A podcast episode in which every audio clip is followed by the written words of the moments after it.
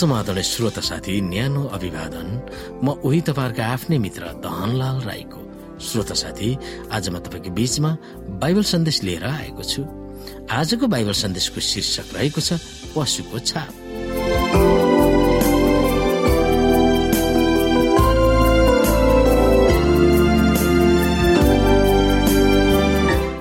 श्रोता पशुको छाप कहाँ पाइन्छ? आउनु श्रोता हामी हेरौँ प्रकाश चौध अध्यायको नौसँग प्रकाश चौध अध्यायलाई चौध अध्यायको बाह्र तुलना गरेर हेरौँ। पशुको छाप पाउनेहरूको विपरीत परमेश्वरका जनहरूको दुई चरित्रहरू हुन्। त्यसपछि तेस्रा स्वर्गदूत अर्को स्वरले यसो भन्दै तिनीहरूका पछि आए यदि कुनै मानिसले त्यो पशु र त्यसको मूर्तिलाई पुजेर निधार वा हातमा त्यसको छाप लियो भने र परमेश्वरका आज्ञाहरू पालन गर्ने र यसोमाथि विश्वास राख्ने सन्तहरूको धैर्य धारण यसैमा छ। यही सन्दर्भमा हामी बाइबलका केही पदहरूलाई ध्यानमा राख्नु अथवा ख्याल गर्न आवश्यक छ जस्तो व्यवस्था छको आठ ती आफ्ना हातमा चिन्हको लागि कसी राख ती तिमीहरूको निधारमा बाँधिराख व्यवस्था एघारको अठार परमप्रभुको दृष्टिमा जुन कुरा ठिक र असल छन् त्यही गर ताकि तिमीहरूको कल्याण होस् र तिमीहरूका पिता पुर्खासँग परमप्रभुले शपथ खाएर प्रतिज्ञा गर्नुभएको त्यो असल देश तिमीहरूले कब्जा गर। श्रोता एक समूहले पशुको पूजा गर्छ भने अर्कोले परमेश्वरका आज्ञाहरू पालन गर्छन् र यसमा भएको विश्वास तिनीहरूमा पनि हुन्छ। ती आज्ञाहरूमा चौथो आज्ञा पनि हो जुन पशुको शक्तिले परिवर्तन गर्न खोजेको थियो। भिन्नता यसैमा छ समुद्र र जमिनबाट उदय भएका पशुहरू भन्दा शैतानले परमेश्वरको आधिकारिकताको केन्द्रबिन्दुलाई नै आक्रमण गर्दछ। त्यो केन्द्रबिन्दु हो सावत पशुको छाप कि त निधारमा कि त हातमा लगाइन्छ? निधार भनेको दिमागको प्रतीक। हो यही नै विवेक तर्क र के ठिक छ छैन छुट्याउने चेतना त्यहाँ हुन्छ। हातमा छाप लगाउनु भनेको काम र क्रियाकलापलाई जनाउँदछ। दिन आउँदैछ हामीले सोचेको भन्दा छिट्टै हुन सक्छ। जब क्याथोलिक चर्चका धर्मगुरुहरू र राज्यसँग मिलेर कानून पारित गर्नेछन् जसले गर्दा हाम्रो धार्मिक स्वतन्त्रतालाई कडा गरिनेछ। जो मानिसहरू आफ्नो स्वविवेक अनुसार परमेश्वरको वचनलाई पछ्याउँछन् र परमेश्वरको सत्य साबतलाई पालन गर्दछन्।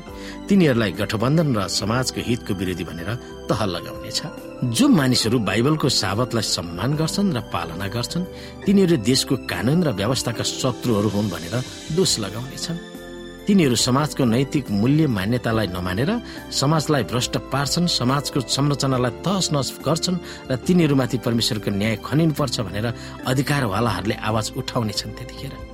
यसोका कर्मठ विश्वासीहरूले आफ्नो स्वविवेकलाई प्रयोग गर्दा तिनीहरू हठी जिद्दिवाल र राज्य सरकारको विरोधी भनेर दोष लगाइनेछ।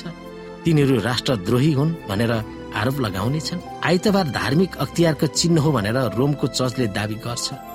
आफ्नै अधिकारले हप्ताको सातौं दिनबाट आइतबारमा सारिएको भनेर रोमन क्याथोलिक चर्चले दावी गर्छ। धर्मको मामिलामा परमेश्वरबाट शक्ति र अधिकार पाएर नै रोमन क्याथोलिक चर्चले शनिबार साबतबाट आइतबारमा सारिएको हो र आइतबार रोमन क्याथोलिक चर्चको चिन्ह हो भनेर पाश्चात्य देश रोमको चर्चले दावी गर्दछ। श्रोत साथी भविष्यमा अन्तर्राष्ट्रिय संकटमा हाम्रो संसारमा राजनैतिक सामाजिक धार्मिक र नैतिक रूपमा आमूल परिवर्तन हुनेछ भनेर प्रकाशको पुस्तकले बताउँदछ। त्यस बेला सबैजना आइतबारलाई नै मान्नुपर्छ भन्ने कानून लादिनेछ र अनि पशुको छाप सक्रिय हुनेछ।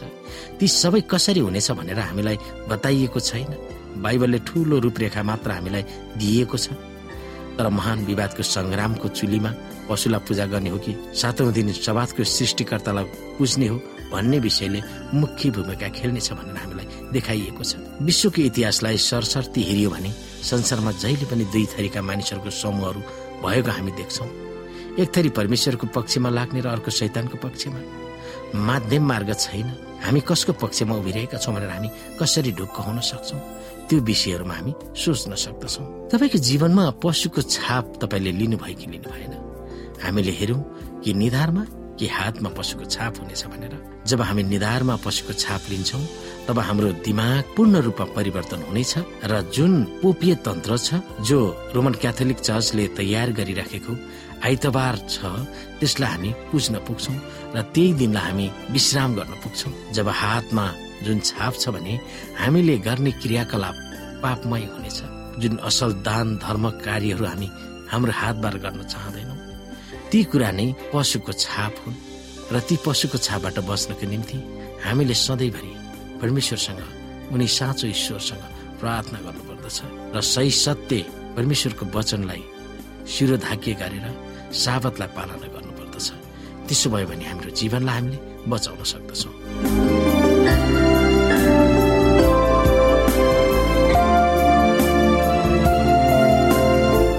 प्रिय श्रोत साथी आजको लागि बाइबल सन्देश यति नै।